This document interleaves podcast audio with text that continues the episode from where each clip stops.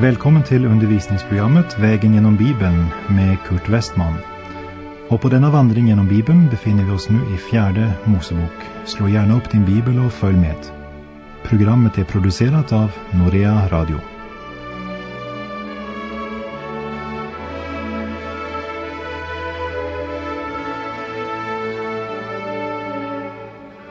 Vi avslutade förra programmet med vers 21 i fjärde Mosebok 20.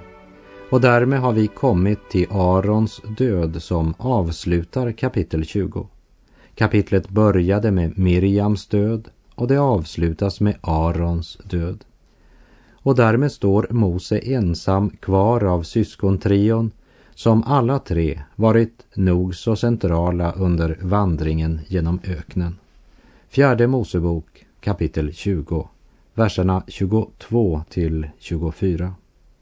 Och det bröt upp från Kades och Israels barn, hela menigheten, kom till berget Hor. Och Herren talade till Mose och Aron på berget Hor vid gränsen till Edoms land och sade Aron skall samlas till sina fäder.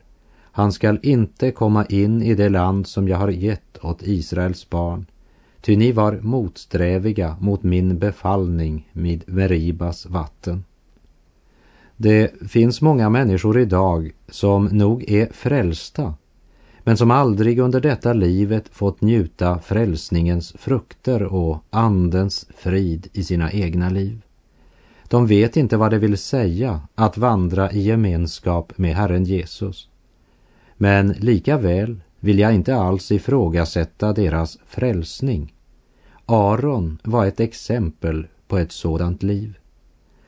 Han hade 40 års hårda erfarenheter i öknen. Men han hade ju ingen aning om vad det ville säga att sitta ner i kanan och njuta löfteslandets frukter. Han visste inte vad det var att dricka mjölken och äta honungen i kanan. Och många gånger berövar vi oss själva detta på grund av vår otro. Vi läser verserna 25 till och med 29.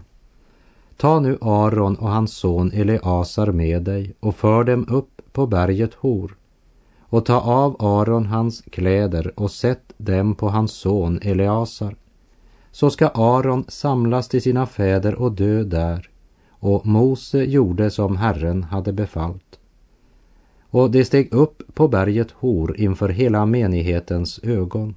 Och Mose tog av Aron hans kläder och satte dem på hans son Eleasar. Och Aron dog där uppe på bergets topp. Men Mose och Eleasar steg ned från berget. Och när hela menigheten märkte att Aron hade gett upp andan begrät de honom i trettio dagar, hela Israels hus.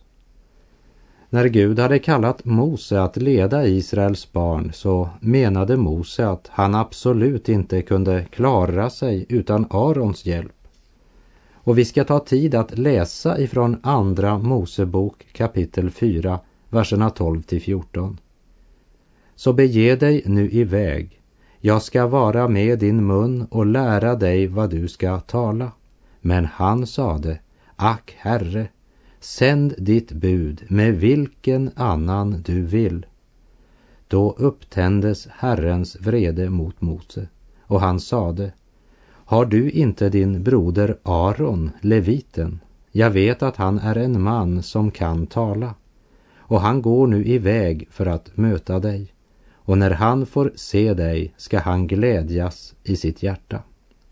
Att det var Gud som sände Moses var inte nog för honom. Han menade att det definitivt var nödvändigt med Arons hjälp. Men senare fick både Mose uppleva att Aron lät sig förledas av folket, både då han gjorde guldkalven och även vid andra tillfällen. Men nu ska Mose inför folkets ögon ta av Aron ämbetsdräkten sätta den på hans son Eleasar. Och Aron dog där uppe på bergets topp och menigheten begråter honom i 30 dagar. för det var många bland dessa Israels barn som hade varit hos översteprästen. De kände honom och han kände dem. De hade burit fram sina offer och frågat Aron, tror du verkligen att Gud har förlåtit mig allt? Och Aron kunde stadfästa att allt var utfört så som Herren hade befallt. Du är förlåten. Men nu ser de Eleasar komma ned från berget iklädd Arons skrud. Aron är död och borta.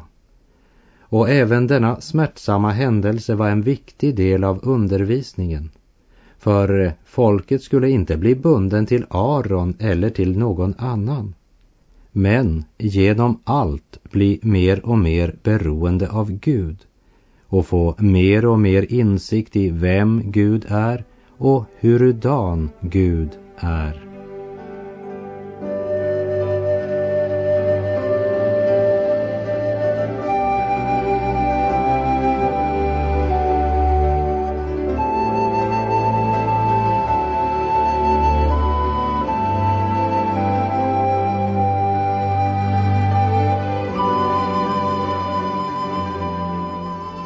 Därmed har vi kommit fram till kapitel 21 i fjärde Mosebok. Och där får vi än en gång höra Israels barn knota och klaga. Vi läser från kapitel 21, verserna 1 till och med 4. Då nu kungen i Arad, kananén, som bodde i sydlandet, hörde att Israel var i antågande på Atarimvägen, gav han sig i strid med Israel och tog några av dem till fånga. Då gjorde Israel ett löfte åt Herren och sade, om du ger detta folk i min hand, så ska jag ge deras städer till spillo. Och Herren hörde Israels röst och gav kananéerna i deras hand, och det gav dem och deras städer till spillo. Så fick stället namnet Horma. Och det bröt upp från berget Hor och tog vägen åt Röda havet till för att gå omkring Edoms land. Men under vägen blev folket otåligt. Här läser vi nu om Israels barns första seger efter att de stred mot Amalek i Refidim. Den gången då de hade fått dricka vatten från klippan som blivit slagen i början av deras vandring. Det är helt uppenbart att det nu är Gud som ger dem denna seger. Och eftersom de inte kan gå genom Edoms land som vi såg i förra programmet så planerar de att i en cirkel gå omkring Edom. Men den vägen är hård och krävande och folket blev otåligt. Det är alltså samma historia som upprepar sig igen. Som vi minns ifrån fjärde Mosebok 11 så var det den blandade folkhop som hade gjort sällskap med Israels barn då de utvandrade från Egypten som greps av begär. Det var så det började. Och Israels barn började då också själva att gråta och sa Ack om vi hade haft kött att äta. Men eh, det var den blandade folkhop som stämde upp den tonen. Och den blandade folkhop det var ett resesällskap som nå mera drev deras blickar mot Egypten än mot Kanan. Det var människor som med kroppen utvandrat från Egypten men vars hjärtan och längtan inte söker Kanan men Egyptens köttgrytor. Missnöjda och knotande människor är något som verkligen kan skada en församling. Vi läser i vers 5. Och folket talade mot Gud och mot Mose och sade Varför har ni fört oss upp ur Egypten så att vi måste dö i öknen? Här finns ju varken bröd eller vatten och vår själ vämjes vid den usla föda vi får. Manna var egentligen en underbar och näringsrik föda som innehöll allt vad de behövde och det smakade som fint bakverk med olja. Nu säger Israels barn att deras själ vämjes vid den usla föda som Herren ger dem. Det är fruktansvärt det de säger. När Guds dom gick över Egypten då hade det passat att vandra ut från slavdrivarnas piskor. Den gången pratade de inte så mycket om köttgrytor eller purjolök. Men det står att Israels barn suckade över sin träldom och klagade. Och deras rop steg upp till Gud, som det står i Andra Mosebok kapitel 2. Men nu är träldomen glömd, slavdrivarnas piskor glömda. Nu minns de bara köttgrytorna och de vämjes vid Guds manna. Gud är inte viktig för dessa människor. Bara de yttre omständigheterna. Och det är dessutom högst kortsiktigt.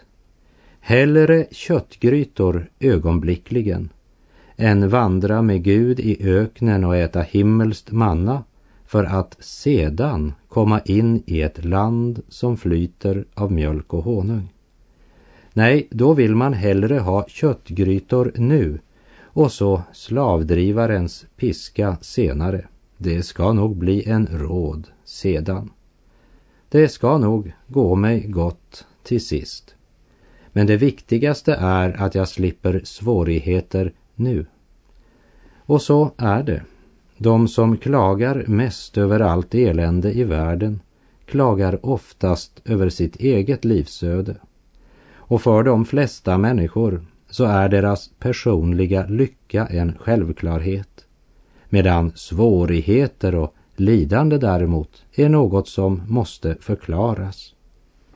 Det är viktigt för människan att komma ihåg att Gud alltid har en utväg. Även om utvägen långt ifrån alltid blir oss given på förhand. Så fort den minsta prövning eller svårighet närmade sig så knotade Israels barn mot Mose och mot Gud. Och nu går de så långt att de säger till den helige allsmäktige Gud vi tycker att manna från himlen är äckligt. Vi vämjes vid den sorts föda. Till Egypten står våra drömmar och vårt hjärtas längtan. Men när de bespottar den himmelska maten har de också fyllt sitt syndamått. Nu har Gud tröttnat på deras knotande.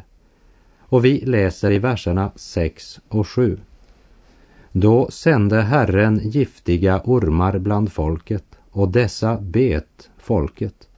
Och mycket folk i Israel blev dödat.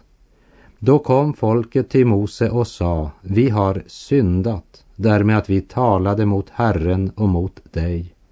Be till Herren att han tar bort dessa ormar från oss. Och Mose bad för folket. När man begick synden att knota mot Gud och bespotta den himmelska födan så var man nog så högröstad. För man trodde att det var Gud som handlat orätt och inte människan. Efter syndafallet är människans ställning att hon är en förlorad syndare. Men det är det absolut sista hon inser. Och nu kommer folket till Mose och bekänner, vi har syndat. Och de nämner synden vid namn. Det är konkret bekännelse. Men det är problemet med många människor idag. De vill gärna gå med i församlingen som trevliga, positiva, goda människor. Men in i detta rike kan man endast komma som syndare. Gud frälser inte något annat än just syndare. Kristus dog för syndare. Han hatar synden men älskar syndaren. Så om du inte tillhör den kategorin så är Kristus inte för en sådan som dig. Vi har syndat, säger folket till Mose. Och vers 8 och 9. Då sade Herren till Mose, gör dig en orm och sätt upp den på en stång. Sedan må var och en som blivit ormbiten se på den, så ska han bli vid liv. Då gjorde Mose en orm av koppar och satte upp den på en stång. När sedan någon hade blivit biten av en orm såg han upp på kopparormen och blev så vid liv. Vad kopparormen ska förebilda behöver vi inte spekulera över. När Jesus samtalar med Nikodemus så säger han till honom i Johannes 3 Liksom Mose hängde upp ormen i öknen så måste Människosonen upphöjas för att var och en som tror på honom ska ha evigt liv. Så älskade Gud världen att han gav sin ende son för att de som tror på honom inte skall gå under utan ha evigt liv. Israels folk blev bitna av giftiga ormar och mycket folk dog. Och att de drabbades av ormar uppenbarar en stor sanning. Det var ormen som var själva källan och roten till deras knot och missnöje. Och nu uppenbarar Gud vad som sker med människan när hon utelämnas till sig själv. När människan ser sin synd och bekänner att hon syndat utan att ursäkta sig så ger hon därmed Gud möjlighet att ingripa. Och Gud ordnar med en lösning som för den människa som blivit biten av giftormen inte krävde något annat än att tro Gud när han säger Se på den upphöjda ormen. Se och lev. På vilket sätt blev Guds son upphöjd? På ett kors, svarar du. Ja, men han dog på Barabbas kors. Och Barabbas var en tjuv och en mördare. Barabbas var skyldig och förtjänade döden. Men Jesus var oskyldig, utan synd. Men han blev gjord till synd för oss. Det var våra synder han bar. För han tog inte bara Barabbas plats, men också din och min plats. Och detta gjorde Gud därför att han älskar oss. Men Guds kärlek kunde inte frälsa oss. Ordet säger inte att så högt har Gud älskat världen att han frälste världen. Inte alls. Men så högt har Gud älskat världen att han utgav sin enfödde son. Och vad är det nu Gud ber dig om att göra, min vän? Han ber dig att se och leva. Se på Jesus, han har tagit din plats. Du är en syndare som i tankar, ord och gärningar har kränkt den helige Gud och du har förtjänat döden. Jesus hade inte förtjänat döden. Han dog istället för dig. Vi läste om kopparormen att alla som såg upp på den blev vid liv och de som inte såg upp på kopparormen, de dog. Och där går skiljelinjen också idag. Antingen så vänder du dig till Jesus eller också gör du inte det. Och om du inte gör det så bryr jag mig inte i hur många kyrkor du är med i eller hur aktiv du är eller vilka ceremonier du genomgått eller vem som är dina föräldrar. För om du inte vänder dig till Jesus så är du dömd till en evig förtappelse. Du är en förlorad syndare. Det enda som kan frälsa dig från ormens dödliga syndagift är att se upp till honom som hängde på korset för dina synder och som idag är uppstånden och lever. Romarbrevet 5.10 säger Ty om vi var Guds fiender och blev försonade med honom genom hans sons död, då ska vi, när vi nu är försonade, så mycket säkrare bli räddade genom hans sons liv. Se, se, se och lev som den norske evangelisten Odd Dubbland sjunger i sången Det är liv i att se på det Golgata kors.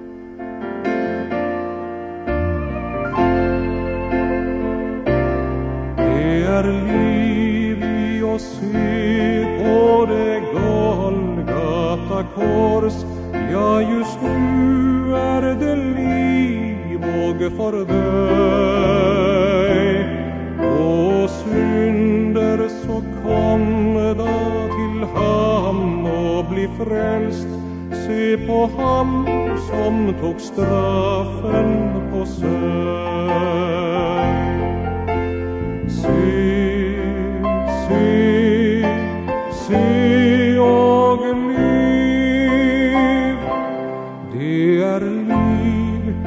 Oss att se på det Golgata kors. Ja, just nu är det liv och fördöjd. I fjärde Moseboks 21 kapitel, verserna 10 till 15 beskrivs Israels vandring från plats till plats eftersom de slår läger under vandringen helt tills de når bäcken Arnon vid Moabs gräns. Därifrån leder Herren Moses och folket till Beer och där anvisar Herren Mose en plats där man så gräver en brunn som gav ett rikt, ja överflödande vattenförråd. Mose sammankallar stamhövdingarna som står där med sina stavar och under Mose ledning använder de sitt inflytande till att uppmana folket att gräva. Och med spetsen av sina stavar anvisar de var folket ska gräva och därför sjunger också folket senare om brunnen som förstar grävde. Och vi läser verserna 16 till och med 18. Därifrån drog det till Beer. Om brunnen där var det som Herren sade till Mose. Församla folket så vill jag ge dem vatten. Då sjöng Israel denna sång. Flöda du brunn, jag sjöng om den, om brunnen som förstar grävde, som folkets förnämsta borrade med spiran med sina stavar. Det är förunderligt att läsa om detta folk som under det mesta av sin ökenvandring knotat och klagat och faktiskt växelvis önskat sig döden och växelvis tillbaka till Egypten. Men nu närmar de sig gränsen till Kanans land. All knot och klagan har upphört. Nu är det inte Egypten eller köttgrytorna som fyller deras tankar. Nu är det Gud som fyller deras liv. Och får Gud fylla hjärtat blir munnen fyllt av sång. Plötsligt betyder det ingenting att de är omgivna av fiender på alla sidor. Amoriter, moabiter, ammoniter plus kungen i Sihons mäktiga armé som vill hindra deras vidare vandring.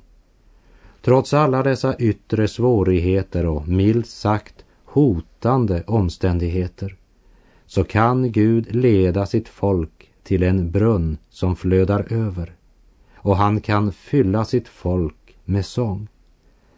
Må Gud genom allt detta vi läser lära oss att helt och fullt lita på vår trofaste Gud under alla förhållanden i livet och låt oss följa Israel vidare på deras färd. Nu irrar de inte längre runt i öknen och tänker på Egyptens köttgrytor. Nej, nu marscherar de med hjärtat fyllt av Gud och munnen fylld av sång och är äntligen redo att motta den seger som Gud under alla dessa år så gärna velat ge dem. Och vi läser i kapitel 21, verserna 21 till och med 24. Och Israel skickade sändebud till Sihon, Amorenas kung, och lät säga Låt mig tåga genom ditt land, vi ska inte vika av från vägen in i åkrar eller vingårdar och inte dricka vatten ur brunnarna. Stora vägen ska vi gå tills vi har kommit genom ditt område. Men Sihon tillät inte Israel att tåga genom sitt område utan församlade allt sitt folk och drog ut mot Israel i öknen tills han kom till Jahas. Där gav han sig i strid med Israel. Och Israel slog honom med svärd och intog hans land från Arnon ända till Jabbok, ända till Ammons barns land, ty Ammons barns gräns var befäst. Israel intar amoreernas land, men hindras vid gränsen till Ammons barn. Varför? När Israel nu ska inta allt vad Gud har lovat Abraham, Isak och Jakob så har den här händelsen två sidor. För det första, Gud håller dom över sina fiender och deras synd. Och för det andra, Gud som själv har förlossat sitt folk vill också ge dem allt vad han har lovat. Måttet av amoreernas ondska och synd var nu fullt och stunden för deras hemsökelse har nu kommit. Och Israel intar landet där Sihon är kung från bäcken Arnon ända till Jabbok. Moabiterna vägrade också att låta Israel passera genom deras land, precis som amoreerna. Men Moabs folk var ännu inte mogna för Herrens dom så som amoreerna var det. Stunden hade ännu inte kommit för Moab och hans folk. Gud vill ännu en tid ha tålamod med Moab. Och här finner vi orsaken till att till synes samma synd inte medför samma syndastraff här i tiden eller inte medför samma hastiga straffdom. Stunden har kommit för den ene men kan komma senare för en annan.